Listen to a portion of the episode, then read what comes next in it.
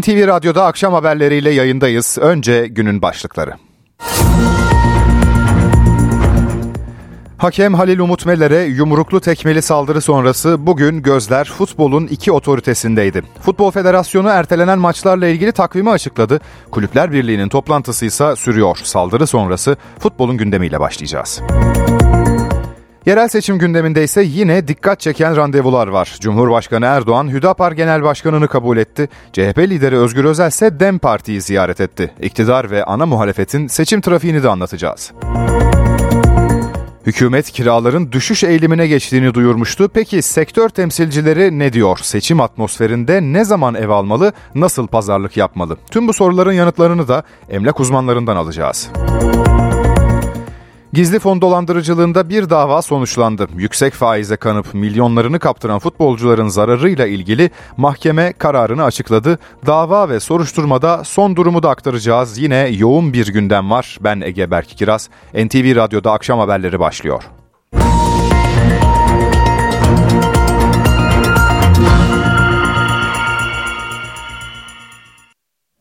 Manşetimizde Türkiye'nin konuştuğu olay hakem Halil Umut Meler'e yönelik saldırı ve sonrasında Futbol Federasyonu'nun aldığı kararlar var. Federasyon ligleri erteleme açıklaması sonrası durumu gözden geçirdi. Başkan Mehmet Büyükekşi bugün Riva'da basın toplantısı düzenledi ve Süper Lig'in 19 Aralık'ta kaldığı yerden devam edeceğini açıkladı. Başka mesajları da oldu. O toplantıyı izleyen NTV Spor muhabiri Övünç Özdem stüdyomuzda. Övünç hoş geldin. Merhaba yayınlar. Bugün federasyon başkanı neler söyledi? Öne çıkan notlar neydi? Aslında kamuoyunu tatmin edecek veya yaşanan bu olay sonrası nasıl bir ceza uygulanacak, nasıl bir yol izlenecek çok da öğrenemedik. Çünkü e, ligler evet ertelendi ancak bir hafta ertelendi. 19 Aralık'ta başlayacak ifadesi daha önce yapılan bir planın ifadesiydi. Plandan kastım da 19 Aralık'ta Süper Lig'in 17. haftası zaten oynanacaktı. Evet 17. 18. haftası pardon. Ee, ertelenen de bu hafta oldu. Dur karıştırdık Ege. 17 olacak. 17. Evet. haftası. Hafta içi fikstürü 17. hafta. Aynen. 16. haftası da 10 Ocağı ertelendi. Hı-hı. Sadece bu hafta içi maçlar ertelendi. Ee, kaldığı yerden devam ediyor. Ee, bu konuyla ilgili bir durum demek ki değişmedi. E, hakemlerin maçlara çıkmama durumu, hakemlerin maçlara çıkmama ile ilgili bir tavrı var mı diye sorduk. Hayır, e, böyle bir durum yok. Zaten hani olsaydı maçlar da oynanmazdı. Hafta sonu hakemleri aileleriyle beraber Riva'da ağırlayacağını, ağırlayacaklarını söylediler. E, kendileriyle bir seminer yapacaklar. E, kendilerine psikolojik olarak iyi hissetmelerini sağlayacakları ortam yaratacaklarını söyledi. Tamam. Onun dışında da Tabii ki merak edilen konu e, Faruk Hoca'nın saldırıyı gerçekleştiren Ankara Gücü, eski Ankara Gücü Başkanı'nın nasıl bir ceza alacağı yönündeydi. O konunun da Futbol Federasyonu Disiplin Kurulu tarafından belirleneceğini, onun da yarın açıklanacağını söyledi. Burada belki evet Disiplin Kurulu bu kararı veriyor ama olay çok e, ciddi ve e, daha önce yaşanmamış bir olay olduğu için belki konuyla ilgili fikrini, konuyla ilgili işin gidişatını belli edebilirdi. Ancak onun yerine Faruk başkanımızı daha önceden tanırız. Kendisi niye böyle bir şey yaptı bilmiyorum. ifadelerini kullandı. E, durum bu şu anda. Onun dışında da istifa edip etmemesi gündemdeydi. Bu da konuşuluyor bir süredir. Artık bu son olayla beraber daha yüksek sesle konuşulmaya başlandı. Özellikle kulüplerin e, birçoğunun Sayın Büyükekşi'nin istifası ile ilgili talepleri olduğu bilgisi var. E doğal olarak bunu da sorduk kendisine. Neden istifa edeyim? Böyle bir sebep yok. Biz Türk futbolunu şeffaf şekilde yönetmeye çalışıyoruz. Buradan çıkıp yolda araba çarpsa trafik kazası geçirsem ne olacak gibi örnekleyerek bu durumun bir e, temenniden daha çok e, altı boş bir öngörü olduğunu söyledi. Ama istifa durumu ve görevden ayrılma durumu artık konuşulmaya başlandı. Futboldaki daha geçmiş tecrübelerime baktığım zaman bir kulüp başkanı, bir federasyon başkanı ile ilgili bunlar konuşulmaya başlandığında iş bir yerde istifaya doğru gidiyor. Bugün Kulüpler Birliği toplantısı da var. Orada evet. beklentine yönde. Kulüplerin toplantısına Gençlik ve Spor Bakanı e, Osman Bey de katılacaklar. Osman Aşkın Bakın da katılması kulüplerle ne paylaşacak, kulüplerin kendisinden beklentileri ne olacak onu merak ediyorum. Çünkü aynı gün aynı saat içerisinde federasyon da toplanmıştı.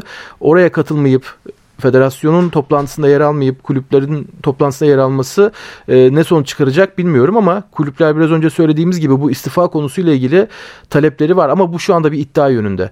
Ben 15 bahsi geçen e, tüm veya tüm Süper Lig kulüplerini arayıp ortaya çıkan 15 kulübün evet istifa istiyor gibi bir resmiyette ve e, ciddiyette konuşmuyorum ama ciddi aldığımız duyumlar da bu yönde. Belki onu söyleyeceklerdir. Eğer böyle bir durum olursa istifa olur ve kulüplerin böyle bir talebi olursa yeni başkan kim olabilir? Onunla ilgili belki temennileri görüşleri olacaktır.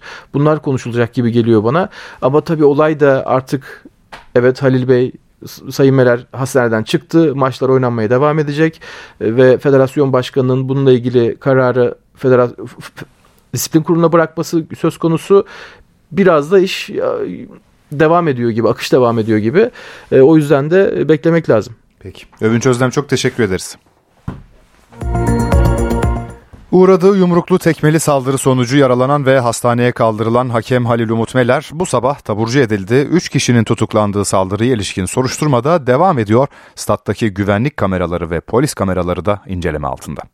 MKE Ankara gücü Çaykur Rizespor maçında saldırıya uğrayan hakem Halil Umut Meler'in tedavisi tamamlandı, taburcu edildi. Ankara'dan ayrılan Meder memleketi İzmir'e gitti. Şu an için herhangi bir e, gözündeki ufak bir şişlik dışında herhangi bir sorunu kalmadı. Meler pazartesi günü MKE Ankara gücü Çaykur Rizespor karşılaşmasının sonunda Ankara gücü başkanı Faruk Koca'nın yumruklu saldırısına uğramıştı. Yere düştüğü sırada da tekmelendi. İki gün süren tedavi sonrasında gözündeki şişlik indi. Travma nedeniyle boyunda e, bir düzleşme oluşmuş sadece. Eski bir fıtığı vardı. Ona yönelik tedbir amaçlı o boyunluğunu taktık. E, ama onun dışında kırık tabi zamanla iyileşecek küçük bir çatlak da aslında kanamada zaten azalmaya başladı. Onun dışında başka bir sorunu yok şu an için. Saldırıya ilişkin soruşturmada Faruk Koca ile birlikte 3 kişi tutuklanmış, sahaya giren 3 kişi ise adli kontrol şartıyla serbest bırakılmıştı. Soruşturma sürüyor. Yayıncı kuruluştan alınan görüntülerde stadyumdaki güvenlik kameraları ve polis kamerası inceleme altında. Bu görüntülerde de bir suç tespit edilmesi durumunda soruşturmanın derinleşeceği belirtiliyor. Adalet Bakanı Yılmaz Tunç ise sporda şiddet yasasının değişeceğini, cezaların caydırıcılık açısından yeniden değerlendirileceğini duyurdu. Spor alanlarında taşkınlık yapanlar, spor alanlarına yasak madde sokanlar, müsabaka ve seyir alanlarının güvenlik ve düzenine ilişkin tedbirlerin alınmasında görevini yapmayanlar, spor alanlarında hakaret ve tehdit içeren tezahürat yapanlar, sporda şiddeti teşvik edecek şekilde basın ve yayın yoluyla açıklama yapanlar hakkında uygulanacak yaptırımların cezanın caydırıcılığı açısından yeniden değerlendirilmesi yönündeki çalışmalarımızı kararlılıkla sürdüreceğiz. Ankara gündemine siyaset başlığına geçelim. AK Parti'de yerel seçim hazırlıkları sürüyor. Cumhurbaşkanı Recep Tayyip Erdoğan dün yeniden Refah Partisi lideri Fatih Erbakan'ı ağırlamıştı. Bugünse Hüdapar Genel Başkanı Zekeriya Yapıcıoğlu ile görüştü. AK Parti MHP arasında da komisyon düzeyinde toplantılar sürüyor. Ayrıntıları başkentten Ahmet Örsoğlu'ndan alalım. AK Parti'de yerel seçim hazırlıkları sürüyor. Bugün Cumhurbaşkanı Recep Tayyip Erdoğan Hüdapar Genel Başkanı Zekeriya Yapıcıoğlu ile bir araya geldi. AK Parti Genel Merkezi'nde kabul etti. Görüşme sonrasında Hüdapar Genel Başkanı kısa bir açıklama yaptı. Cumhur İttifakı'nın sürmesi konusunda e, irademiz var. Önümüzdeki günlerde komisyonlar oluşturulacak ve görüşmeleri sürdüreceğiz ifadesini kullandı. Cumhurbaşkanı Recep Tayyip Erdoğan dün e, yeniden Refah Partisi Genel Başkanı Fatih Erbakan'la da bir görüşme yaptı. 50 dakikalık görüşmede e, bazı polis bilgileri var. Edindiğimiz bilgilere göre Cumhurbaşkanı Recep Tayyip Erdoğan İstanbul ve Ankara özelinde Fatih Erbakan'dan destek istedi. Erbakan olumlu görüş bildirdi ancak bu talebi e, kendi partisine sunması gerektiğini de ifade etti. Yine bu talebin yerine gelebilmesi için bir şart da öne sürdü e, Fatih Erbakan. O şart da 30 büyük şehirden birinin yeniden Refah Partisi'ne bırakılması şeklinde olduğu iddiaya göre. Ee, özellikle yeniden Refah Partisi'nin güçlü olduğu, oy potansiyelinin olduğu e, bazı şehirler olduğu ifade ediliyor. Bursa, Malatya o şehirlerden bazıları edindiğimiz bilgilere göre bu şehirden e, yeniden Refah Partisi'nin aday göstermesi ve Parti'nin bu adayı desteklemesi yönünde bir talep var. Cumhurbaşkanı Recep Tayyip Erdoğan'ın yine iddiaya göre bu talebe olumlu ya da olumsuz bir görüş bildirmediğini e, söyleyelim. E, ancak önümüzdeki günlerde iki isim arasında yeni bir görüşme olabilir. Cumhurbaşkanı Recep Tayyip Erdoğan'ın görüşmeleri önümüzdeki günlerde de devam edecek. Cumhur İttifakı'nı oluşturan diğer partiler yani DSP ve Büyük Birlik Partisi genel başkanlarıyla da görüşecektir Cumhurbaşkanı Erdoğan. Bununla birlikte AK Parti ve MHP arasındaki komisyon görüşmeleri devam ediyor. Bugün 11. toplantı yapıldı. E, artık son toplantılar, e, son toplantının bu hafta yapılmasını bekliyoruz ve çıkan sonuç bildirgesi Erdoğan'a ve Bahçeli'ye sunulacak. İki lider son kararı verilecek. Daha önce yaptığımız e, yayınlarda Adana özelinde bazı işbirlikleri olabileceği ifade edilmişti. İddialardan biri şu, AK Parti'nin e, Adana'da aday göstermeyeceği ve bu şehirde MHP'nin adayını destekleyeceği yönünde ilk iddia. Ancak bu değişmiş olabilir. E, AK Parti'nin Adana'da Büyükşehir'de aday göstereceği ve MHP'nin bu adayı destekleyebileceği ifade ediliyor. Yine iki önemli büyükşehir Manisa ve Mersin'de de AK Parti'nin MHP'nin adayını destekleyebileceği iddialar arasında ancak e, bu yılın sonuna doğru yılbaşı gelmeden AK Parti ve MHP'nin bu çalışmaları kamuoyuna duyurmasını bekliyoruz. Ankara'dan Ahmet Örsoğlu'nun notlarını dinledik. Muhalefet cephesiyle devam edelim. CHP lideri Özgür Özel bugün DEM Parti Genel Merkezi'ne gitti. O görüşmenin gündemini de NTV muhabiri Uğraş Bingöl'den alalım. Evet o görüşme yaklaşık yarım saat önce bitti. Bir buçuk saat e, genel başkanlar e, DEM Partisi Genel Merkezi'nde görüştüler. E, o, bir, o bir buçuk saat görüşmenin ardından HDP eş genel başkanları Tuncam, Tuncer Bakırhan, Tülay Hatimoğulları ve Özgür Özel burada kürsüye geldi. Kameranın karşısına geçti ve bir açıklama yaptılar. Ee, Özgür Özel şu ifadeleri kullandı. Önümüzdeki süreci değerlendirdik. Çok verimli ve yapıcı bir görüşme gerçekleştirdiğimizi ifade etmek isterim. Bundan sonraki süreçlerde süreçlerde de diyalogumuz karşılıklı görüşmelerimiz sürecek.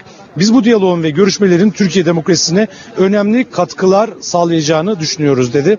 Herhangi bir soru almadılar çünkü gazeteciler özellikle İstanbul ve Ankara'da olmak üzere bir işbirliği olacak mı soracaklardı ama e, dediğim gibi eş genel başkanlar ve CHP genel başkanı Özgür Özel bu soruyu kabul etmedi ama e, önemli detaylar, önemli vurgular vardı açıklamalarda hem e, eş genel başkanların hem de Özgür Özel'in özellikle e, diyalog yolu açık kalacak cümlesi önemliydi. Cumhuriyet Halk Partisi Genel Başkanı Özgür Özel buraya geldiği hayat de çok önemliydi. O yanında Genel Sekreter Selin Sayek Böke vardı. E, yerel yönetimlerden sorumlu Genel Başkan Yardımcısı Gökhan Zeybek vardı. Ve hukuk ve seçim işlerinden sorumlu Genel Başkan Yardımcısı Gül Çiftçi vardı. E, az önce de belirttiğim gibi bir nezaket ziyareti olduğunu söyledi. Genel Başkanlar bununla ilgili ve e, bu nezaket ziyareti ötesinde başka bir şey konulmadı. Türkiye'nin sorunlarını ve dünya sorunlarını ele aldıklarını söylediler tek ortak nokta diyalog yollarının açık kalacağı yönündeydi. NTV muhabiri Uğraş Bingöl aktardı.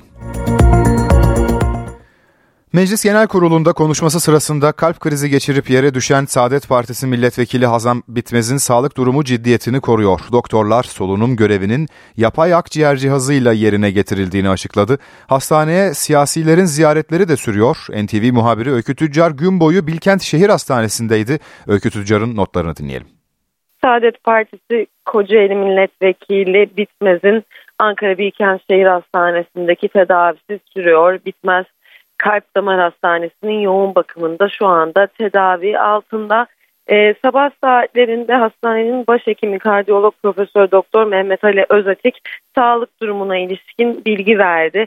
Bir değişiklik olmadığını söyledi. Aynı yükseklikte hayati riski devam ediyor ifadesini kullandı. Yapay kalp ve akciğer cihazıyla dolaşım ve solunumun sağlandığını paylaştı. Başhekim bu açıklamayı CHP lideri Özgür Özel'in ziyaretinin ardından yapmıştı. Sabah saatlerinde Özel de hastaneye gelerek aileyi ziyaret etti. Ee, başhekimden ve ilgili doktorlardan bilgi aldı. Ardından da bir açıklama yaptı. Ee, çok sevgili abimiz Bitmez'in ailesini ziyaret ettik dedi. Hepimiz bizim ilk günden beri iki grup arasında köprü olmuş, çok çalışkan, üstün gayret gösteren ve çok samimici bir siyasetçi olduğunu söyledi. Meclis kürsüsünde yaşanan bu olayın e, üzücü olduğunu ve ders verici nitelikte olduğunu söyledi. E, siyasetin ve meclisin tabii ki münakaşalar da olduğunu zaman zaman ancak bu durumlarda her türlü riski değerlendirmek gerektiğini ifade etti. En kısa sürede de iyi haberi duymak istediklerini aktardı gün boyu buraya ziyaretler de devam etti. Çok sayıda siyasi partiden milletvekilleri buraya geldi.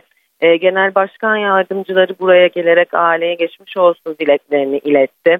E, şu anda da Saadet Partisi e, Genel Başkanı Temel Karamollaoğlu hastanede aileyle yine Saadet Partilerde gün boyu burada bekleyişlerini sürdürdüler.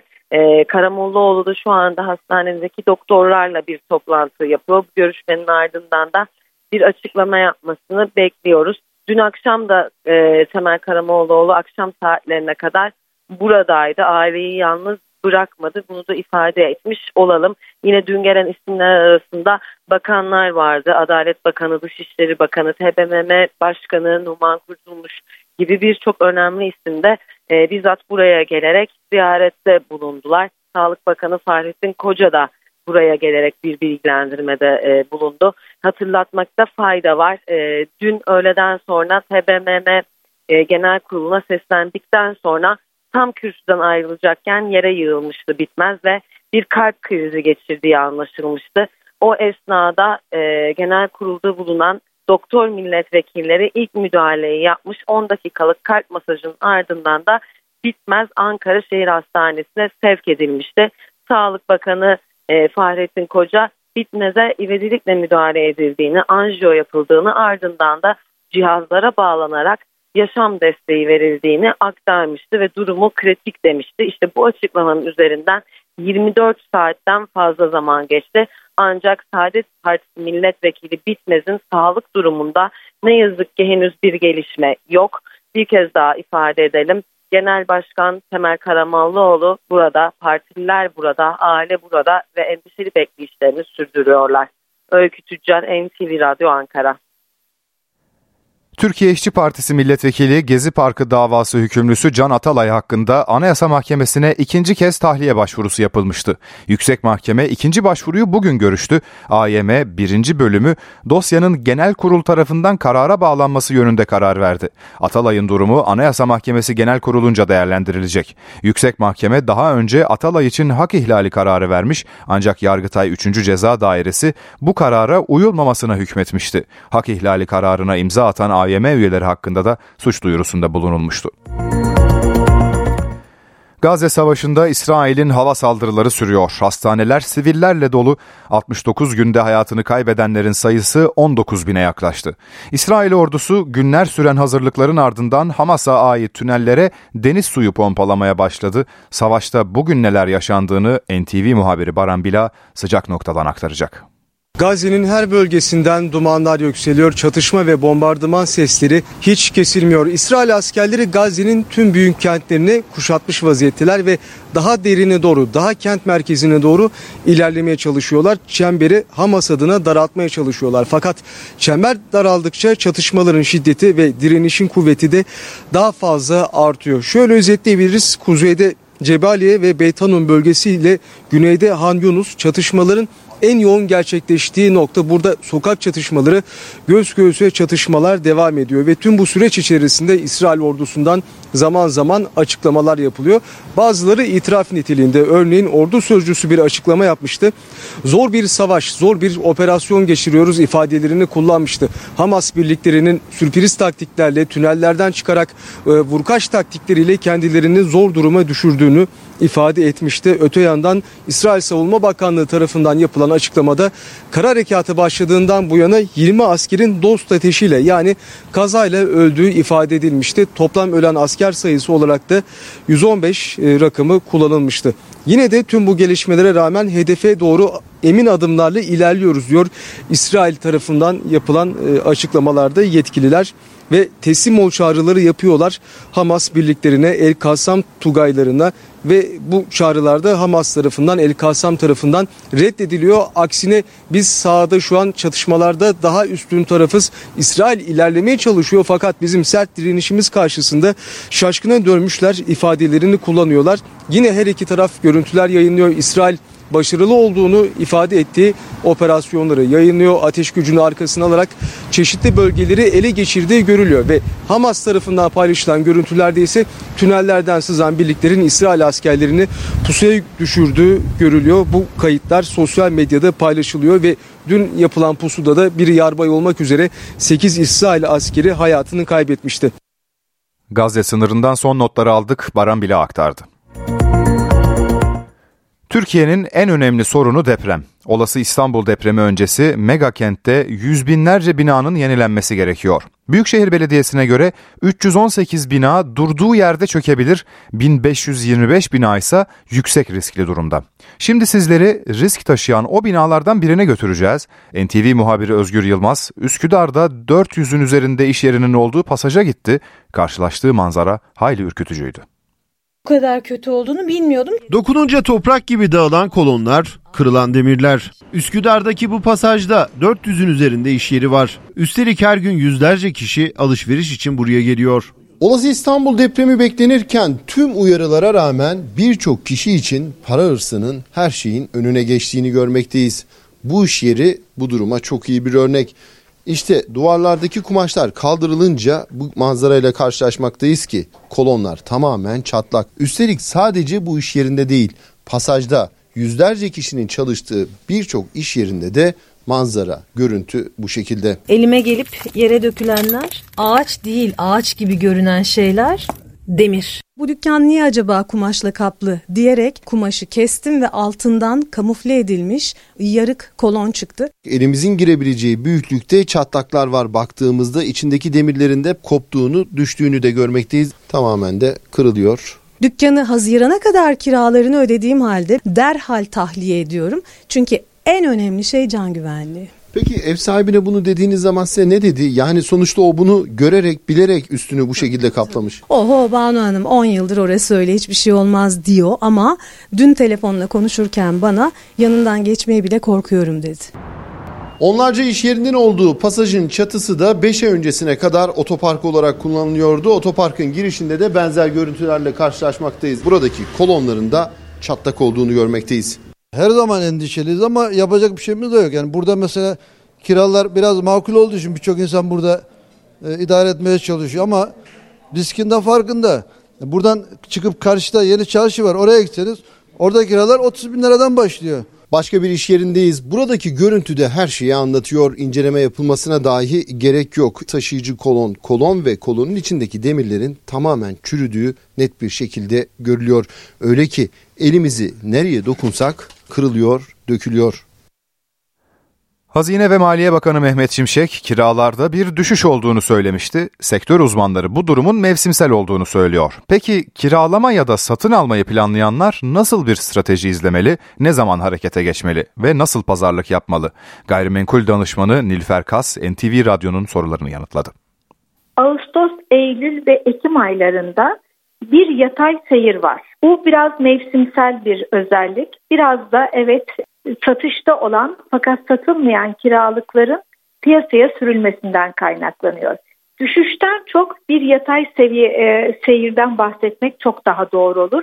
Tabii e, hükümetin gönlü e, bunun düşmesinden yana, herkesin gönlü bunun, bunun düşmesinden yana ama net olarak şu kadar düştü diyemeyiz. Hafif gevşemeler var ama bunun birkaç nedeni mevsimsel ve stok e, sayısının artması. Peki fiyat beklentisi bunda ne kadar etkili sizce? Çünkü gelecek yıl fiyatlar düşecek beklentisi ya da en azından bir umudu var. Böyle bir durum olduğu da söyleniyor. Sizce bu beklenti de etkili mi bu durumda? Satışla ilgili bu beklenti evet e, vatandaşların geneli bununla ilgili alımlarını şu anda ötelemiş durumda. Yine bunun birkaç tane sebebi var. Mevduat faizleri o kadar yüksek ki doğal olarak kısa süreli bir kazancı vatandaş tercih ediyor ve doğal olarak da alımlarını öteliyor. Diğer öteleme sebebi de herkesin beklentisi aslında seçim dönemine kadar ilk görelim ondan sonra hareket edelim şeklinde. Sektörün temsilcileri olarak 2024 yılının ikinci çeyreğinden itibaren yine konut sektörünün hızlanacağını ve fiyatlarında bugünkü gibi olmayacağını net olarak söylemeliyiz. Çünkü biliyorsunuz dün yine Merkez Bankası'nın açıklamasıyla birlikte, TÜİ'nin açıklamasıyla birlikte e, inşaat e, endeksinin de %66 olduğunu gördük. işçi maliyetleri de %118 artmış durumda. Şimdi bütün bunları kefeye koyduğumuzda önümüzdeki yıl yani bitecek olan, tamamlanacak olan inşaatların, sıfır inşaatların maliyetinin giderek artacağını doğal olarak da müteahhitlerin bunu fiyata yansıtacağını söyleyebiliriz. İkinci ellerde raiç altındaki etiket fiyatlarının sebebi aciliyet ve ihtiyaçtır. Bu da bireyseldir. Yani bunu genele yaymak e, çok doğru olmaz. Fiyatlar evet hala nominal olarak yükselişe, reel olarak da e, enflasyonun altında artışa devam ediyor. Yani durmuyor, artışa devam ediyor. Sadece hız eskiye göre, son iki yıla göre hızı kesildi. Bu nedenle e, fiyatların düşeceğini e, öngörerek öteleyenler, alımlarını öteleyenler hayal kırıklığına uğrayabilirler. Çünkü mevduat faizleri düştüğü anda yani oradaki cazibe yitirildiği anda konuta tekrar yönelim olacak. Konuta yönelme olduğu zaman da fiyatlar yerinde durmayacak. Kiralık bakanlara ya da satın almak Hı. isteyenlere ne önerirsiniz bu durumda? Şöyle kiralama bambaşka bir alan. Çünkü kiralama kısa süreli talepler ve kısa süreli ihtiyaçtan dolayıdır. O nedenle de öteleyemezsiniz. Ben kiralama yapacak olanlara eğer kenarlarında 3-5 kuruşları var ise peşin ödemelerde %20-25'e kadar bir indirim teklifiyle ev sahiplerine gitmelerini öneririm. Ya bu çünkü e, onlar için çok önemli olacaktır. Eğer kenarlarında para varsa. Ev sahipleri açısından da bu büyük bir şey. Çünkü e, yaklaşık %45-50'ye e, varan bir mevzuat faiziyle aslında orada kaybettikleri parayı faizden kazanabilirler. Mesela dün bir hesaplama yaptık bir kiralık yerle ilgili. Yani 25 bin liralık yeri peşinde 20 bin liraya indirdiğinde, kabul ettiğinde ev sahibi ve bunu 240 bin lirayı da e, bankaya koyduğunda aslında kira bedelinin 28.300 lira olduğunu gördük. Yani buradan iyi hesaplama düz değil biraz daha karmaşık bir hesaplama ama kesinlikle iki tarafında hayrına olacak sonuçlar çıkabilir. E, yani teklif etmekten kiracılar korkmasınlar. Satın alınmaya geldiğimizde ise yani bugün için ev alacak olanlara da şunu tavsiye edebilirim. Mutlaka bugün için yatırım için değil de oturum için alınacaktır diye düşünüyorum. E, nakit para şu anda e, çok değerli. Bu nedenle de bunun değerini bilerek tekliflerini ona göre sunsunlar. Özellikle müteahhitlerde, bireysellerde çok fazla indirim olmayabiliyor. Yine orada ihtiyaçlar e, devreye giriyor. Fakat e, müteahhit firmalardan, inşaat firmalarından alacakları konutlarda verebilecekleri teklifin en dibini vermelerini öneriyorum. Yavaş yavaş çıksınlar yukarıya doğru. Yani böylece e, doğru zamanda doğru alım e, yapabilirler. Deprem endişesiyle ev arayışı hala sürüyor mu Nilüfer Hanım? Olmaz mı? Şöyle depremin kendini her hatırlat zamanda hele Marmara'ya yakın olan mesela bu Gemlik'te olan deprem hemen İstanbul'a bazı özellikle kıyı şeritlerinde çok fazla hissedildiği için çok fazla Aralık ayında deprem nedeniyle yeni ev arayışında olan alıcılar var. Çünkü çoğunluğu zaten eski binalarda oturuyor ve arayışlar yeni binalara yönelmiş durumda. Bu nedenle bu sene yaklaşık 500 bin konut arzıyla kapatacağımızı düşünüyorum 2023'ü. Bazı yerlerde sıfır bina olsa bile şunu soruyorlar. Zemin etüdü var mı? Yani vatandaş bu konuda bilinçlenmiş durumda. Sadece binanın sıfır olması yetmiyor. Zeminine de mutlaka bakıyor. Gayrimenkul danışmanı Nilüfer Kas NTV Radyo'daydı. NTV Radyo İki yıl önce Gündüz Kuşağı programına konu olmuştu. 12 yaşında Manisalı bir kız çocuğu bir Afgan tarafından İran'a kaçırılmıştı. Interpol devreye girdi, Aile Bakanlığı büyük çaba gösterdi. Kız çocuğu bulundu ve Türkiye'ye getirildi. İstismara uğrayan ve bir bebeği olan çocuk devlet korumasına alındı. O dönem 12 yaşında olan DNB iddiaya göre 8 Nisan 2021'de Manisa'da ailesiyle birlikte yaşadığı evden çıktı ve bir daha dönmedi. Küçük kızın çiftlikte kaçak çalışan Afganistanlı 22 yaşındaki Nagıp Cahit Yusufi tarafından kaçırıldığı anlaşıldı. Manisa İl Salihli İlçe Jandarma Komutanlığı'yla Interpol'ün araştırmasıyla Kızın yeri İran'da bulundu. 14 yaşına gelen DNB oğluyla birlikte Türkiye'ye getirildi. Aile ve Sosyal Hizmetler Bakanlığı'nın himayesine alındı. Kızın annesi ve üvey babası 2 yıl önce Star TV'de programa konuk olmuştu. Biraz daha su doldurmaya diye çıktı. Eşime haber verdim o sıra. Çıktık ama aradık aradık hiçbir yerde yok. Aile ve Sosyal Hizmetler Bakanı Mahinur Özdemir Göktaş'ın da takip ettiği süreçte Türkiye'ye getirilen 14 yaşındaki kız ve bebeği devlet korumasına alındı. DNB ve bebeğinin durumunun iyi olduğu, sağlıklı gelişimleri için sosyal hizmetlerden faydalandırılacakları belirtildi. Kızı kaçıran ve istismar eden Nagıp Cahit Yusufi'nin İran makamları tarafından Afganistan'a sınır dışı edildiği öğrenildi. Niğde'de gazoz fabrikasında çalışan 5 işçi su kazanını temizlerken zehirlendi. İşçilerden ikisi hayatını kaybetti. Olay Niğde Organize Sanayi Bölgesi'nde yaşandı. Su kazanı temizliği yapan 5 işçi kullandıkları kimyasal maddelerin tepkimesi sonucu ortaya çıkan gazdan zehirlendi. Hastaneye kaldırılan işçilerden Faruk Sert ile Ufuk Kılıç Arslan kurtarılamadı. Bir işçinin hayati tehlikesi ise sürüyor. Gizli fon dolandırıcılığı davasında futbolculara mahkemeden kötü haber geldi. Seçil Erzan'a milyonlarca dolar kaptıran futbolcuların zararı banka karşılasın talebi üst mahkeme tarafından reddedildi. Senden çok rica ediyorum. Onların senetlerine ilgili lütfen hiçbir şey yapma. Futbolcuların da aralarında olduğu gizli fon mağdurları zararlarını bankanın karşılamasını istedi. Ancak bu talep mahkeme tarafından kabul edilmedi. Yüksek faiz almak için eski banka müdürü Seçil Erzan'a milyonlarca dolar kaptıran mağdurlar paralarını kurtarmak istiyor. Zararlarının banka tarafından karşılanmasını talep ettiler. Daha önce savcılık banka yöneticilerinin de aralarında olduğu 11 şüpheli hakkında takipsizlik kararı vermişti. Mağdurların avukatları bu karara itiraz etti. İtirazı değerlendiren İstanbul 4. Sulh Ceza Hakimliği talebi reddetti. İtirazların yerinde olmadığı kaydedildi. Kararda Seçil Erzan'ın da aralarında olduğu 7 sanık hakkında nitelikli dolandırıcılık, özel belgede sahtecilik suçlarından dava açılarak cezalandırılmalarının istendiği hatırlatıldı.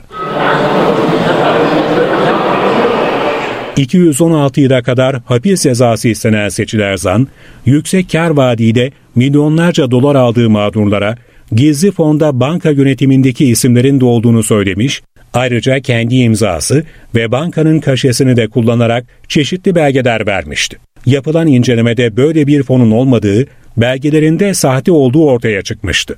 Futbolcuların avukatları ise mağdurların bankaya güvendiği için Seçil Erzan'a para verdiklerini savunuyor. Sana vermiş olduğumuz Moji'nin ve Nazlı'nın senedinde her ikisinde hiçbir çıkarı yok. İkisi tutuklu 7 sanığın yargılandığı davanın ikinci duruşması 12 Ocak 2024'te görülecek. Marmara Denizi son 50 yılda 2,5 derece ısındı. Uzmanlara göre deniz suyundaki bu ısınma müsilaja ve başta balıklar olmak üzere bazı türlerin yok olmasına yol açabilir. Marmara Denizi için bir kez daha alarm zilleri çalıyor. Meteoroloji Genel Müdürlüğü'nün kayıtları 1970 yılında 15,3 santigrat olan Marmara Denizi'ndeki ortalama sıcaklığın 50 yılda 2,5 derece arttığını gösteriyor. Bilim insanlarına göre bu ısınmanın ağır sonuçları olabilir. Marmara Denizi'nde sıcaklıkların artması böyle devam ederse müsilajı oluşturan koşullardan bir tanesi canlı ve gündemde demektir. Sadece bununla sınırı değil Marmara Denizi'ndeki sıcaklık artışı e, çözülmüş oksijen miktarını bunun sonucu olarak düşürüyor. Çözülmüş oksijenin azalması demek orada oksijene ihtiyaç duyan hassas canlılar için yaşam ortamlarının riske girmesi demek. Oksijene duyarlı özellikle lezzetli balıkların türleri ve popülasyonlar azalacak anlamına gelir. Su sıcaklığı kayıtlarına göre Karadeniz, Ege ve Akdeniz'de de ısınma söz konusu. Ancak Marmara Denizi'ndeki ısınma hepsinden daha fazla. Uzmanlara göre bu durumun tek nedeni küresel ısınma değil. 25 milyon insanın yaşadığı bir e, bölgede bulunan iç deniz. Ve buraya çok ciddi anlamda deşarjlar oluyor hem atık su e, deşarjları hem de bölgedeki sanayiden kaynaklanan e, soğutma sularının deşarjları söz konusu. Uzun vadede belki bu deşarjlardan vazgeçmemiz lazım. Bilim insanları Marmara Denizi çevresindeki atık su arıtma tesisi sayısının da hızlı bir şekilde artırılması gerektiğine dikkat çekiyor. Bu yıl 81. kez sahiplerini bulacak Altın Küre ödüllerinde töreni kimin sunacağı hala gizemini koruyor. Oscar tokadının mağduru komedyen Chris Rock kendisine yapılan teklifi reddetti. Sunuculuk teklifini geri çeviren başka yıldızlar da oldu. Detaylar haberimizde. Oscar'ın habercisi Altın Küre ödülleri için adaylar belli oldu. Ancak ödül törenini kimin sunacağı hala gizemini koruyor. CNN'in haberine göre 2022 Oscar ödüllerinde oyuncu Will Smith'in sahneye çıkarak tokat attığı Chris Rock'a bu yıl Altın Küre ödüllerini sunması için teklif götürüldü. Ancak komedyen bu teklifi reddetti. Sunuculuk yapması için teklif giden bir diğer isim Beef dizisinin yıldızı Ali Wong oldu. Ünlü oyuncunun da Chris Rock gibi teklifi geri çevirdiği bildirildi. Smartless adlı mini dizinin yıldızları Will Arnett, Sean Hayes ve Jason Bateman'a da birlikte ödül törenini sunmaları için teklif gittiği biliniyor. Daha önce 1993 yılında Altın Küre ödüllerini Louis Gossett Jr., Leslie Nielsen ve Jane Seymour birlikte sunmuştu. Altın Küre ödüllerini dört kez sunan Amy Poehler ve Tina Fey'in ise tekrar sunuculuğu üstlenmesi beklenmiyor. İkili bir daha ödül törenini sunmayacaklarını belirtmişti. Potansiyel sunucularla 3 önemli görüşmenin sürdüğü belirtilen 81. Altın Küre ödülleri 7 Ocak'ta düzenlenecek törenle sahiplerini bulacak. Televizyon kategorisinde Succession'ın, sinemada Greta Gerwig'in Barbie'sinin 9'ar adaylıkla öne çıktığı ödüllerde Christopher Nolan'ın Oppenheimer'ı 8 adaylık elde etti. Our work here will ensure a peace mankind has never seen.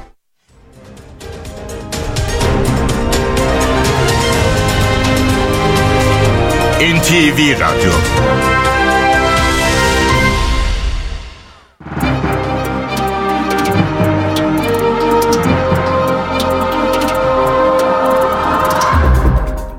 Borsa İstanbul 100 endeksi 7660 seviyelerinde. Dolar 29 lira 4 kuruş, Euro 31 lira 37 kuruştan işlem görüyor. Euro dolar paritesi 1.07. Ons altın 1984 dolarda, gram altın 1852 liradan, çeyrek altın 3141 liradan satılıyor. Brent petrolün varil fiyatı 73 dolar.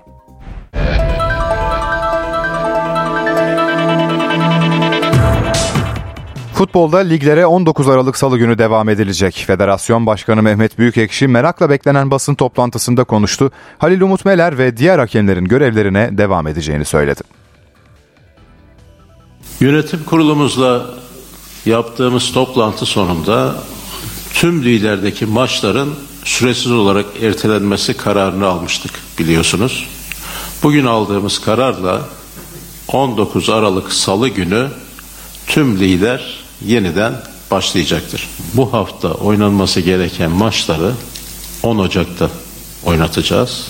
Bu kararı alırken en çok gerek e, kamuoyunun gerekse hakemlerimizin bu konudaki tutumlarıyla ilgili e, onlarla bir e, çalışma yaptık. İnşallah e, hafta sonu onlarla burada e, bir kamp yapılacak. Psikolojileri inşallah tekrar eski haline gelmesi için büyük bir çaba ve gayret içerisinde olunacak.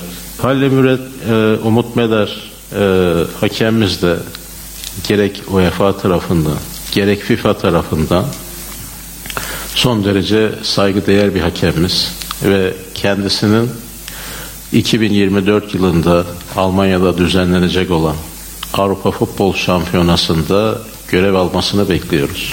Bu gibi olayların tekrarının olmaması için hak mahrumiyeti ve para cezasına ek olarak ilave yaptırımlar getirmeyi planlıyoruz. Fenerbahçe Konferans Ligi'nde liderlik için sahaya çıkacak. Sarı lacivertliler yarın 20.45'te başlayacak maç öncesi son antrenmanını birazdan yapacak. Basın toplantısında konuşan teknik direktör İsmail Kartal, tek hedefimiz kazanmak dedi. Kendi seyircimizin önünde e, tamamıyla kazanmak için 3 puan alıp gruptan çıkmak tek hedefim, hedefimiz bu. Bunu da başarabileceğimize inanıyorum. Sonuçta yarınki maçta elimiz bayağı güçlü. Kadromuz geniş. E, buna göre de e, taraftarlarımızın desteğiyle de kendimize yakışır bir oyunu maçı kazanıp tekrar e, buradan lider olarak veya en kötü ikinci olarak çıkmak istiyoruz. Tek hedefimiz bu. Beka'nın durumu e, her geçen gün iyiye gidiyor. Doktorla Beka'la da görüşüyoruz burada kendisiyle. E, dediğim gibi onun durum biraz daha uzun süreceği için gün gün onu takip ediyoruz ama e, zannediyorum ki ocağın ortalarına doğru takım antrenmanlarına başlar gibi düşünüyorum. UEFA Konferans Ligi D grubu son haftasında yarın İsviçre ekibi Lugano'ya konuk olacak Beşiktaş'ta kamp kadrosu açıklandı. Siyah beyazlılar 7 oyuncusunun kadroda bulunmayacağını açıkladı. Sakatlıklar dolayısıyla kadroda 19 isme yer verildi. Sakatlıkları devam eden Mert Günok, Koli, Jetson Fernandes ve Rebic'in yanı sıra henüz hazır durumda bulunmayan Masuaku, Raşitsa ve Yakup Arda Kılıç'ın Lugano maçı kadrosunda yer almayacağı aktarıldı. Necip Uysal'ın durumu ise maç saatinde belli olacak.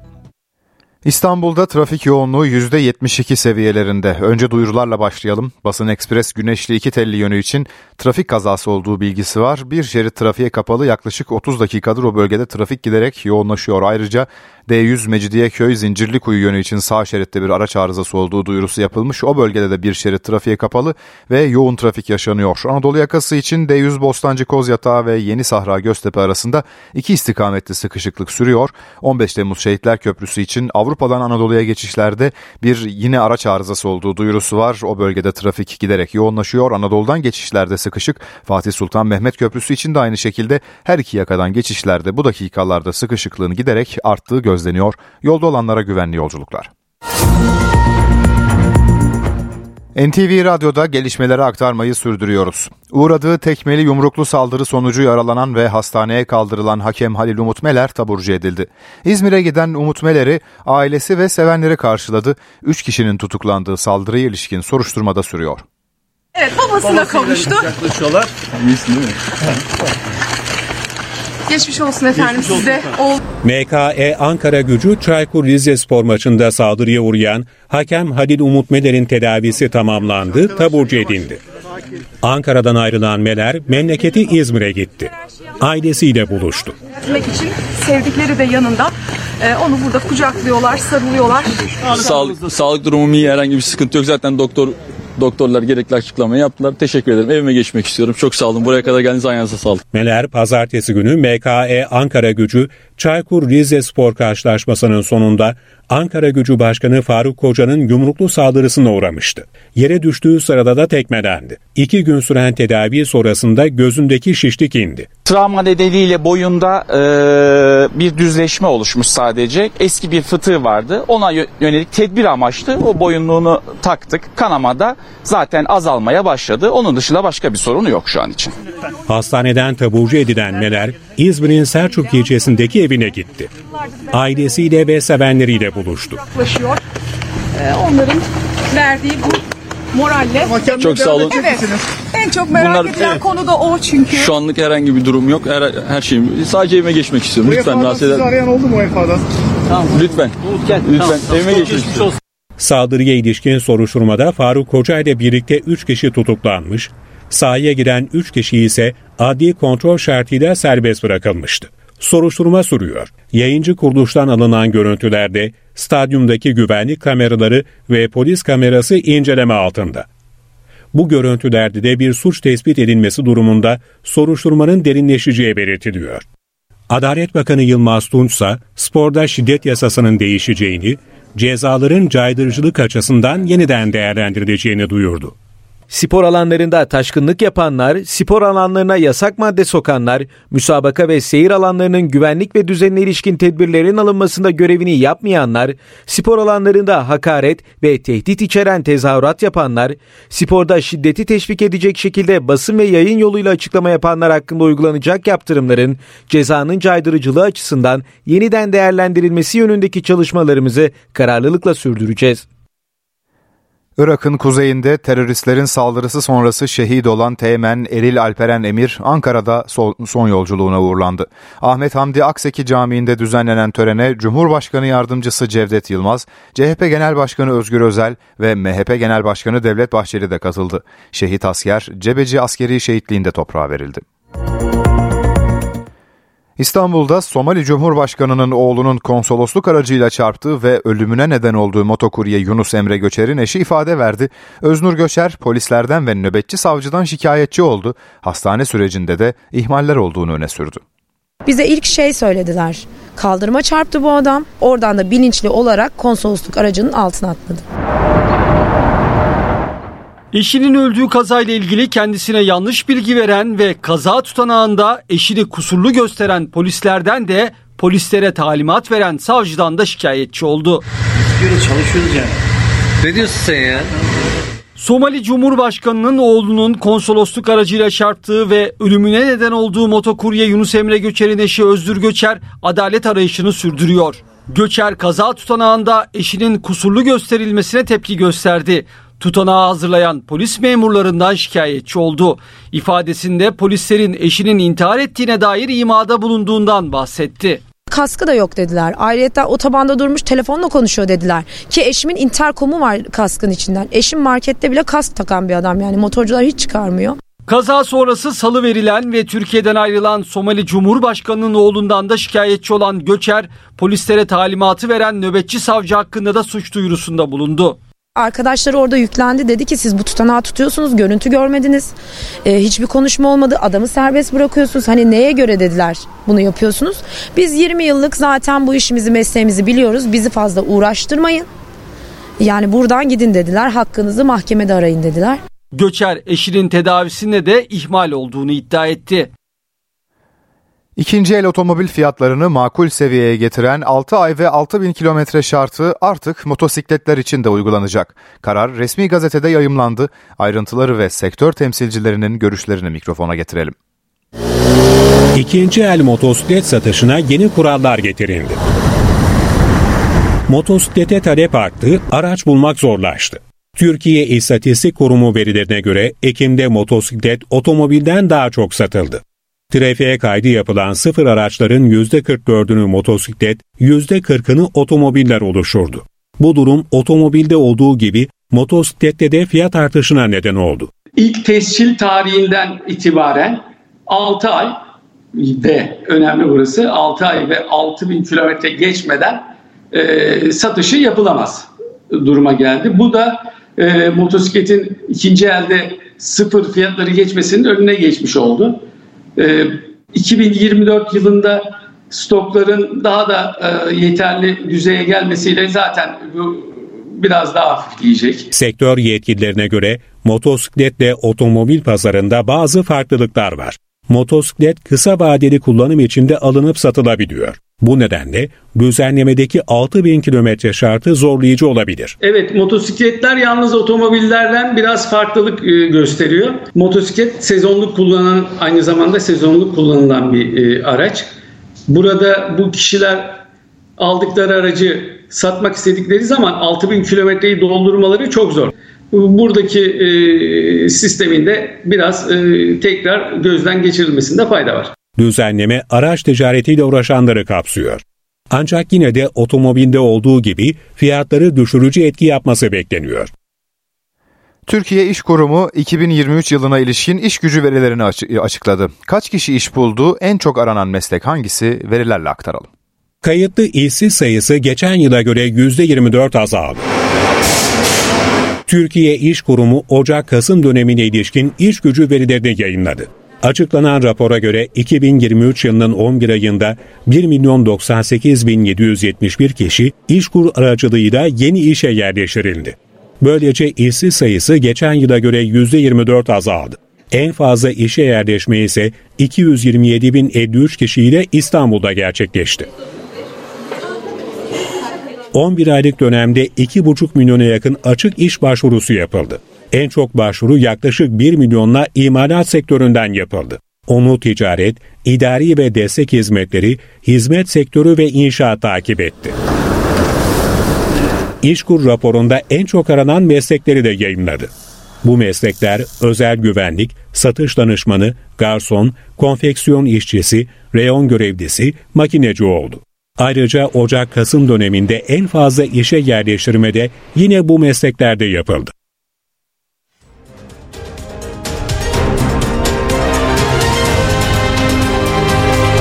NTV Radyo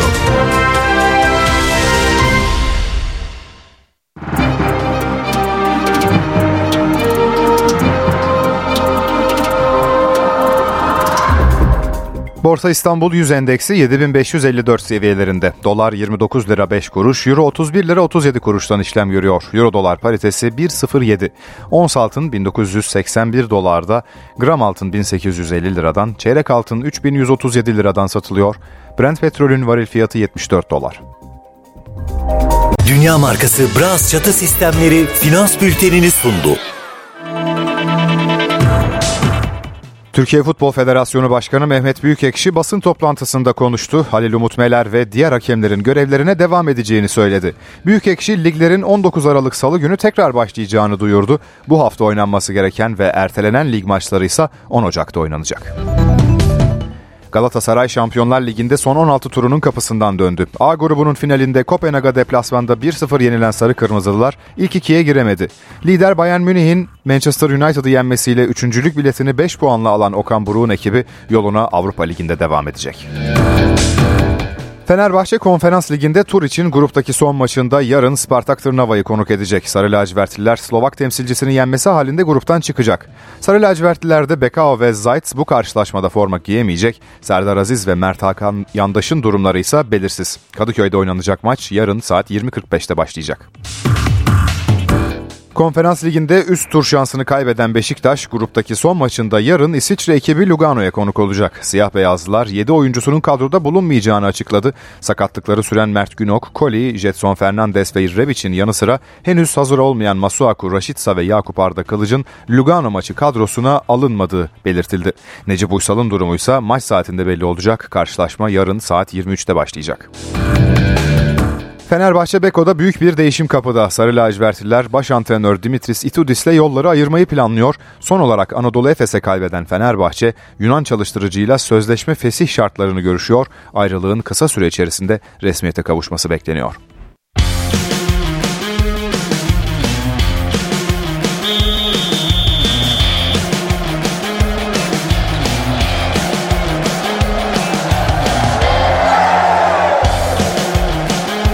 NTV Radyo